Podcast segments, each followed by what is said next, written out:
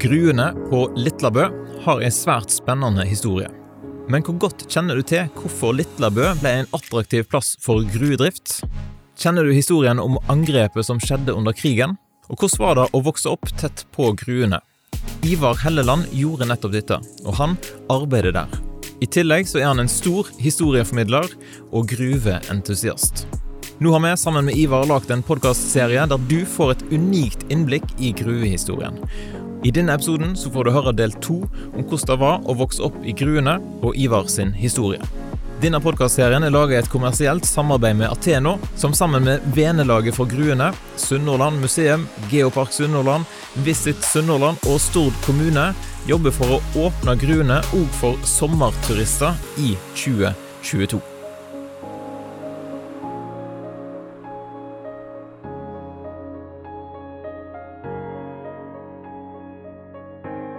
Hvis vi tar turen tilbake igjen til Litlabø, da.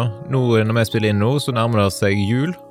Hvordan var julefeiringen på, på Litlabø i din? Du, den var jo veldig flott, for da var det juletrefest på skolen, og så var det juletrefest på Dale bedehus. Og jeg har jo alltid vært en kakemans, og da vanka det jo veldig mye kaker. Det som jeg spesielt husker fra en av juletrefestene Ja, det var jo òg sånn at vi var med og pynta juletreet. Eh, jeg var jo da jevngammel med en del av lærersønnene, sånn at det var veldig naturlig at dette var en med på. Og Det som jeg spesielt husker, det var at igjen, jeg nevnte dette med lave sko. Jeg hadde ønsket meg lave sko til juletrefesten. Og på veien til Leirvik, der hvor de, eh, på Grueveien, der hvor de har laga en ny sving når du svinger opp ifra lågeste punktet, der har de laga en svær mur nå, vet du. I den svingen og litt oppfor den svingen, der var det Peder Skomaker. Og jeg skulle få nye sko. Og jeg hadde drømt om at jeg skulle få lave sko. Så blei det jammen bestilt Beksøm-sko den gangen òg. Og da husker jeg at da ble jeg eh, tilsnakka av eh, læreren at eh, det var nå greit at en trampa når en gikk rundt juletreet, men det fikk være måte på, for da trødde jeg aggressivt i gulvet for å markere at jeg hadde fått nye sko, men at det var Bøksheim-sko på en juletrefest. Men da var det igjen litt av det samme, et par sko, ikke sant, så du kunne bruke sommer og vinter, men det var veldig stas med juletrefest. Og seinere, som mange har, men kanskje de husker, det var jo at det var juletrefest for de voksne, mellom annet i gymsalen på gamle Savåg skole, så der møttes vi, og det var jo en arena der gutter og jenter møttes og kunne holde hverandre i hendene og gå rundt juletreet og synge, ikke sant? Eh, så der var det da De som var eldre enn oss, var også med på disse juletrefestene. Så det var faktum stor stas med jula og juletrefester. Og en annen ting med jula, det var jo at eh, de som var tilsatt på Storde kisgrube, de fikk altså gratis juletre. Da var det far som var gartner og forsmann. Han hadde planta juletre og så kunne folk levere inn bestilling. Jeg har enda boka som han noterte familie slik og slik, juletre en og en halv meter, to meter, og så var det utdeling av juletre på en bestemt dag. Dette sto far min for og jeg var og bar på juletre, da spesielt til de kondisjonerte, sjølsagt, for de var ikke der nede og henta juletre, men Ivar han kom med juletre og banka på, og der var det, og da kunne det jo hende det vanka i kaka der òg, veit du, så nei, jula var fantastisk flott, den, og så gikk vi julebukk, og det var jo kjempekjekt, for da fikk vi jo godsaker som vi ellers ikke hadde fått, og spesielt og hvis en kunne gjøgle og gjøre seg til lite grann, så var de rause med gavene når de kom ut, så det var om å gjøre å la det Så da var det litt konkurranse om hvem som kom først til de husa der det var mest godsaker å få. Nei, jula var flott. Har du andre sånne spesielle opplevelser som du husker fra oppveksten? Ja, det er nå det sterkeste minnet der som jeg nevner der. Ellers er det disse gode opplevelsene som eh, vi hadde på Røkleiv bane, der vi i idrettslaget Solid eh, først fredagskvelden rydda banen, eh, var på sagbruk og henta sagflis og hadde i eh, hoppegropene og, og, og laga løpesoner for 60 meter Og på lørdagen da så konkurrerte vi oss imellom fra Sagvåg, Litlabø, Leirvik og av og til tilreisende. Og videre så var det jo dette at eh, en i samband med eh, idrettsstevnet inn i eh, Rosendal, Omvikedalen, fikk være med kystbåten til Magnussen, fullasta med forventningsfulle ungdommer. Og dette var jo store opplevelser, for det var jo ute i den store verden. Og vi var flinke, så ofte så gikk det bra. En, en spesiell opplevelse i Rosendal, det var jo at han som var starter der, han hadde en karabin som han starta med, og vi hadde jo aldri vært med på å bli starta på skudd, veit du. Så vi som ikke var vane med, vi ble jo liggende igjen og trodde vel han hadde skutt oss, ikke sant. Så da var det om igjen start, så vente vi oss til det. Men det aller største var jo kanskje når vi tok nattruta til Bergen og for opp til Espeland og var på idrettsstevne på Espeland. Det var jo fantastisk for en eh, som hadde vokst opp i dette miljøet. Da kom en ut i den store verden, så det er jo gode hendinger å ha med seg. Hvis du ser tilbake igjen på livet, da, hvordan tror du da oppveksten i Gruene, hvordan har det preget livet totalt? Jeg tror det har prega meg absolutt totalt. For det første så er det dette med å være romslig og godta folk slik som de er. Det er jo en fantastisk jevne å ha med seg, og hvis du ser på politikken i dag, om ikke annet, så ser du at der mangler det romslighet på veldig mange områder. Så det, det syns jeg jeg har hatt veldig mye igjen for, og det betyr jo for meg da at jeg har venner rundt omkring i hele Norges land som setter pris på at en har vært romslig. Jeg har kanskje vært i en situasjon der jeg var den som kunne være romslig, og jeg lærte òg ut ifra det som eh, en lærte i Speieren, eh, der du tidlig fikk oppdrag, ikke sant, eh, du ble patruljefører, du ble troppsassistent, du fikk ansvaret for å arrangere konkurranser, ble vist tillit, og det her har jeg tatt med meg videre. Tidlig så hvis det var elever som hadde lyst til å ta ansvar, så fikk de lov til det, enda i det militære, om det var en korporal eller en vanlig soldat. Tar du den jobben? Ja, ja, ja. Ikke for at jeg skulle slippe unna, men de vokser jo veldig på dette, og det har en heise mye igjen for at eh, ja, i det hele tatt er romslig, og også dette da, som jeg sier, med jeg må jo bare si at eh, de svakeste elevene har jo vært mine superelever, for å si det rett ut. De hadde bruk for det, og når en da seinere ser hvor fantastisk godt det har gått med de, fordi at noen har vist de tillit, har vært romslige, har hatt tru på de, så er jo det et eventyr i seg sjøl. Det er jo den beste lønna du kan få, for all del. Og Det er vel det aller viktigste, tror jeg jeg har fått med meg, og også dette at en eh, hadde tanke for de som ikke hadde det så godt sånn rent materielt, at en opplevde at en kunne stikke litt til deg, om det var litt mat eller om det var noe penger. Det er jo eh, fine opplevelser å ha med seg videre. Og Så startet dere opp eh, Venelaget for Grua. Der var du med å starte opp? Eh... Ja, der var jeg med å starte opp. Jeg hadde det veldig travelt med både skole og andre ting på den tida, men det var hos Solveig som jeg nevnte, Solveig Madsen Jæger.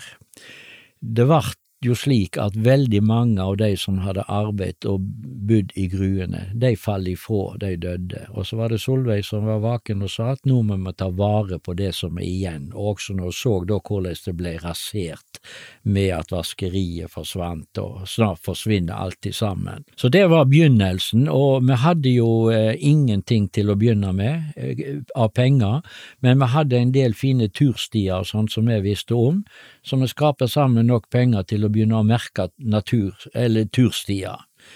Og de står jo den dag i dag, men det var liksom begynnelsen, og sakte, men sikkert da så prøvde vi å ta vare litt på hus og bygninger, og fikk inn folk som eh, hadde stor interesse av vi kanskje kunne få i stand en jernbane, og da var det hvorfor vi fatt i skinner, og så var det folk som visste om at for eksempel på Os, der lå det noen skinner ifra gamle Osbanen, eh, og de vart aldri brukt, og så får vi kontakt med folk som har litt ansvar for de skinnene, og så kjenner vi folk som er i transporten, det var tidligere elever, arbeidskamerater, om ikke de kunne ta med seg noen skinner når de kom tomme tilbake etter en leveranse ifra produkt ifra verftet her.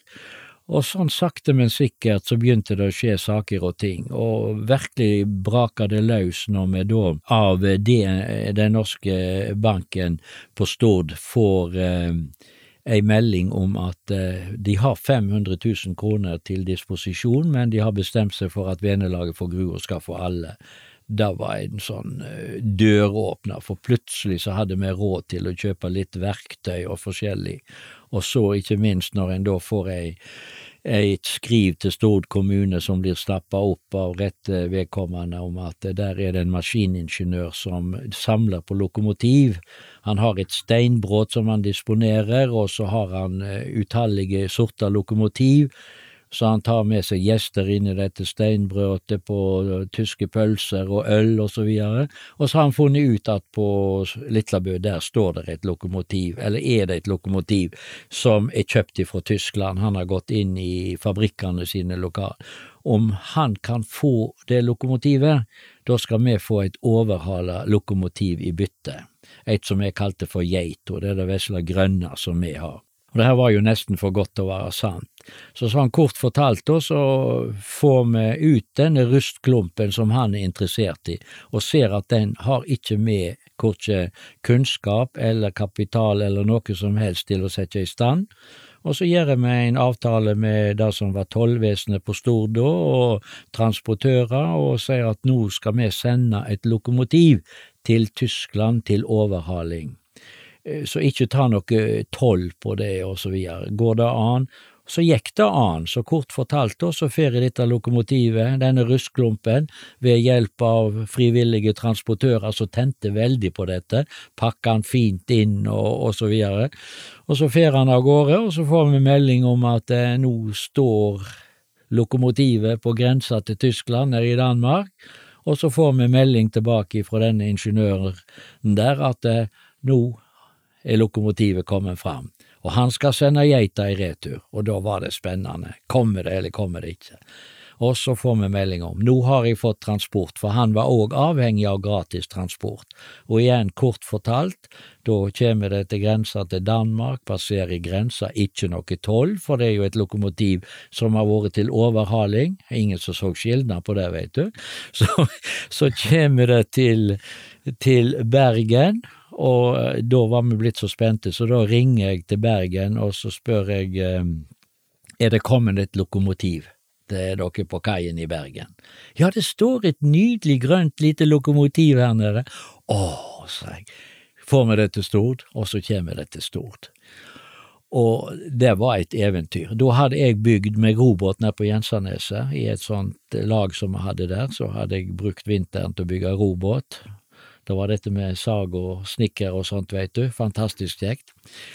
Og den dagen jeg sjøsetter på Jensarneset, så kjem loket til, eh, til kjøttdeigen. Og jeg rodde, fossrodde til Lervik, veit du, og fikk fortøyd og heiv meg i bilen og kjørte opp. Og så hadde vi da en transportør igjen som var og henta det på kjøttdeigen, og så kjem det opp til heishuset, og der heisende inn i heishuset, og så har vi skjener klare til å ta imot det. Og da liksom, da eksploderte veldig mange ting. Da fikk vi laga oss vogner som vi har fiksa på, på forskjellige vis. Først hva sete skulle vi ha i disse vognene? Ringer jeg HSD, jo de har en buss som er havarert. Ja, kan vi få ta seter der? Ja, hvis dere gjør det i løpet av natta for han skal skrotes. Så var vi der med verktøy og skrudde løs seter og henta opp og monterte dem. Det har jo vært ombygd flere ganger etter det, for det, det var noen fantastisk gode seter, men det ble så lite plass til passasjerer etter hvert som det øka på.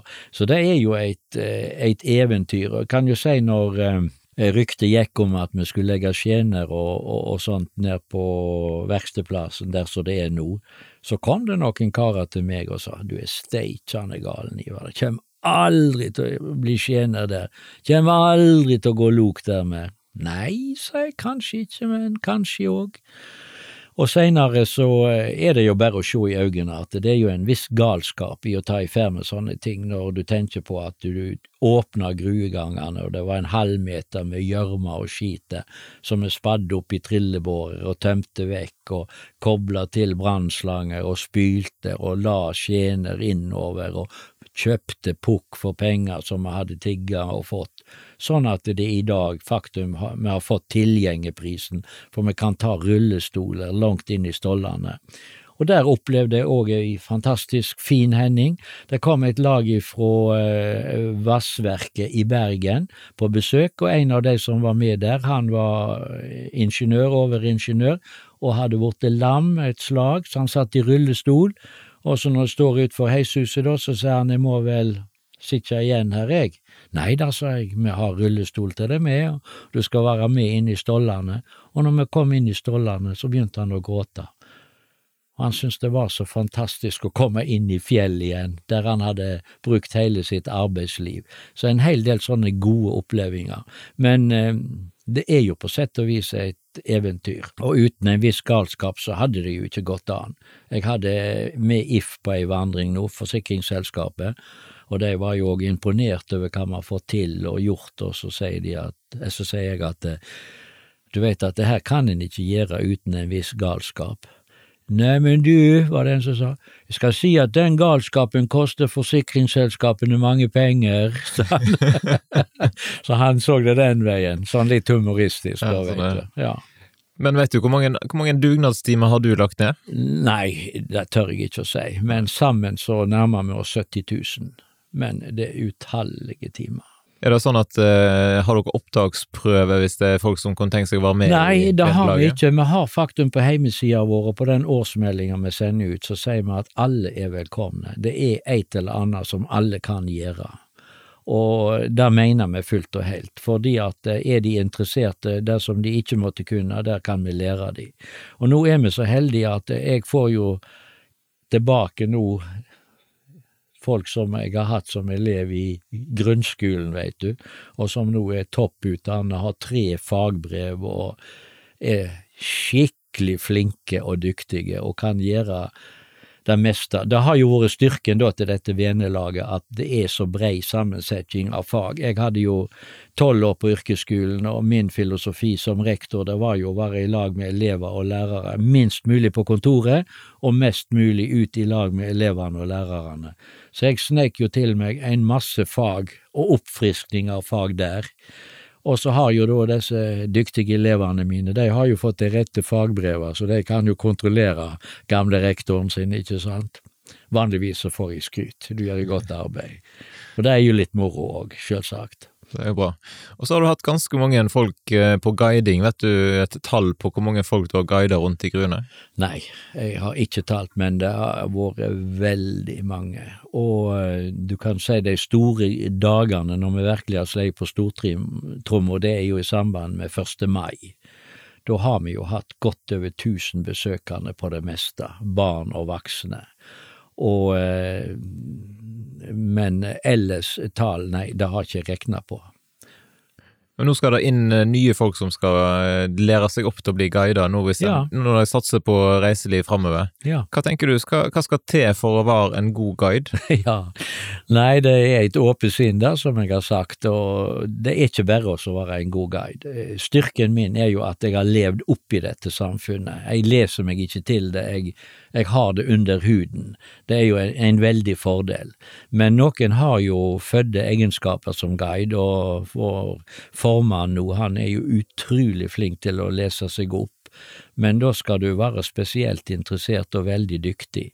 Men eh, de er rundt omkring, og vi håper jo på at vi skal få til dette med et guidekorps. Da er det jo Brynja Strautland som òg er litt av en skuespiller og en guider og jeg som har snakka om det, og, og, trolig så får vi det til, men vi er jo avhengige av at eh, det er et system som tar vare på disse guidene da. I første omgang så ser det ut som det blir Sunnhordland museum som gjør den jobben nå, seinere så kan det hende at det blir flytta over til Moster. Med, eh, med administrasjonen der. Og det som en ser for seg, det er jo at eh, dette blir altså kunngjort på heimesidene våre, og senere på heimesidene til Geopark Sunnhordland, sånn at folk kan logge seg innpå og bestille både billetter og, og omvisning, og eh, hoteller på Stord er interesserte, har de vært tidligere òg, men vi har jo ikke hatt noe tilbud på sommerstid. Så, eh, og så har vi jo båtturismen. Kanskje er det derifra vi skal få flest besøkende. Eh, vi har faktum hatt et samarbeid med da hun Gerd Myhre var den som dreiv Savåg, for å si det sånn, så, så, hadde vi besøk av de som kom med båter. Hun ordna med biler og, og andre hjelpte til med dette, sånn at de kom med drosjebiler og privatbiler ble kjørt opp, og jeg tok imot de og, og guida de oppe på Litlabø. Så her er, her er potensialet, og hvis ikke dette blir eh, bra, så har vi ikke noe annet på Stord i alle fall som blir bedre. Det er jo veldig sikkert, for dette er unikt. Men sånn som du ser det, da, hva er liksom hovedgrunnene til at folk bør besøke gruene på Litlabø? Nei, for meg så er det jo at eh, hvis de vil ha ei spennende vandring i Berget det blå, som jeg sier, så er det et unikt høve, fordi at vi er så heldige at vi har stoller som er tilrettelagt for den vandringa. Jeg har jo vært eh, og så skryter jeg jo litt over at vi har hatt veldig gode guider òg, det har jo mye å si. Men da vi starta med dette, så for jeg litt rundt omkring på andre gruer, Kongsberg og Røros, som jo har veldig stort besøk. Men da har jo du hele staden Røros og så videre. Men eh, jeg syns vi er flinkere med vandring i stollene enn de er på Røros, og så syns vi er flinkere guider, den og den tingen. Og så har vi sett dette med tryggleik i høgsetet. Går der en og guider hos oss, så har han to eller flere for moro skyld så kaller vi de for revediltere, men det er jo litt stygt sagt, men det er jo det de kaller de som springer etter bauekurser i, i Bergen, veit du. Men eh, det har med tryggleik å gjøre, for i sånne følger som er guider, så er det en del som begynner å svette når de kommer langt nok inn i berget det blå. Så de må følges ut igjen, ikke sant, og i hele tatt dette med tryggleik er veldig viktig. Og så er det, som jeg sier, dette med tilgjenge, at du til og med har personer i rullestol, og, og det er vi jo litt stolte over. Så eh, det er de som har eh, dragna mot slike opplevelser, og det er jo ikke for ingenting at eh, folk reiser til Polen for å gå i saltgruene, eller drar til Røros for å gå der, eller til Kongsberg. Og så er det jo selvsagt et godt høve for meg da å skryte over dette gruesamfunnet som jeg har vokst opp i. Helt klart. Hvor, hvor langt inn kom en i dag? Nei, vi kommer ca 200 meter, så er vi inn. Vi kunne gått enda mye lenger, men det er ikke trygt sånn at vi har jo da løyve av bergmesteren til å gå der som vi går. Og det må vi ta på alvor, og da prøver vi å sikre og synfare. Så du kan si prosedyren når en skal inn med et lag, det er at jeg eller andre først går inn og sjekker at det ikke har fallet ned stein siden sist vi var der, eventuelt hvor den steinen har fallet, om det er farlig, og så videre. Så det er starten, så alt tar mye tid. Og etter at vi har eh, gjort ferdig vandringa der inne, så er det å se etter at alt er lukka og låst som skal være lukka og låst, og det er jo ei veldig utfordring. Å få det så lukka og låst som mulig. For det er jo de som har lyst til å komme inn der på ulovlig vis, men vi kan jo ikke gjøre mer enn at uh, vi stenger så godt som vi kan. Men det er hele tida ei utfordring, all den tid jeg har jo ikke så vanskelig med å forstå ungdommer som eh, kan tenke seg å smette inn der, all den tid jeg er gruegutt og har vært i disse stålene, men det er farlig. Så det bør eh, være absolutt eh, noe som en ikke gjør hvis en ikke har kjentfolk med seg. Yes. Nei, men jeg tror vi skal si tusen takk for besøket her i studio. Det var veldig spennende å få lov til å bli eh, bedre kjent med historien til Litlabø-gruene. Og så eh, har dere gjort en vanvittig bra jobb der med gruelaget, eller venelaget for gruene. Det har vi, jeg stør deg fullt og helt i den vurderinga. Vi har det, som har lagt vel til rettes for de som måtte ha interesse av å ta over. Så det er jo den store vona nå, at dette lager seg. all den tid jeg ikke har fått innvilga det andre livet ennå, så er det på tide, veit du.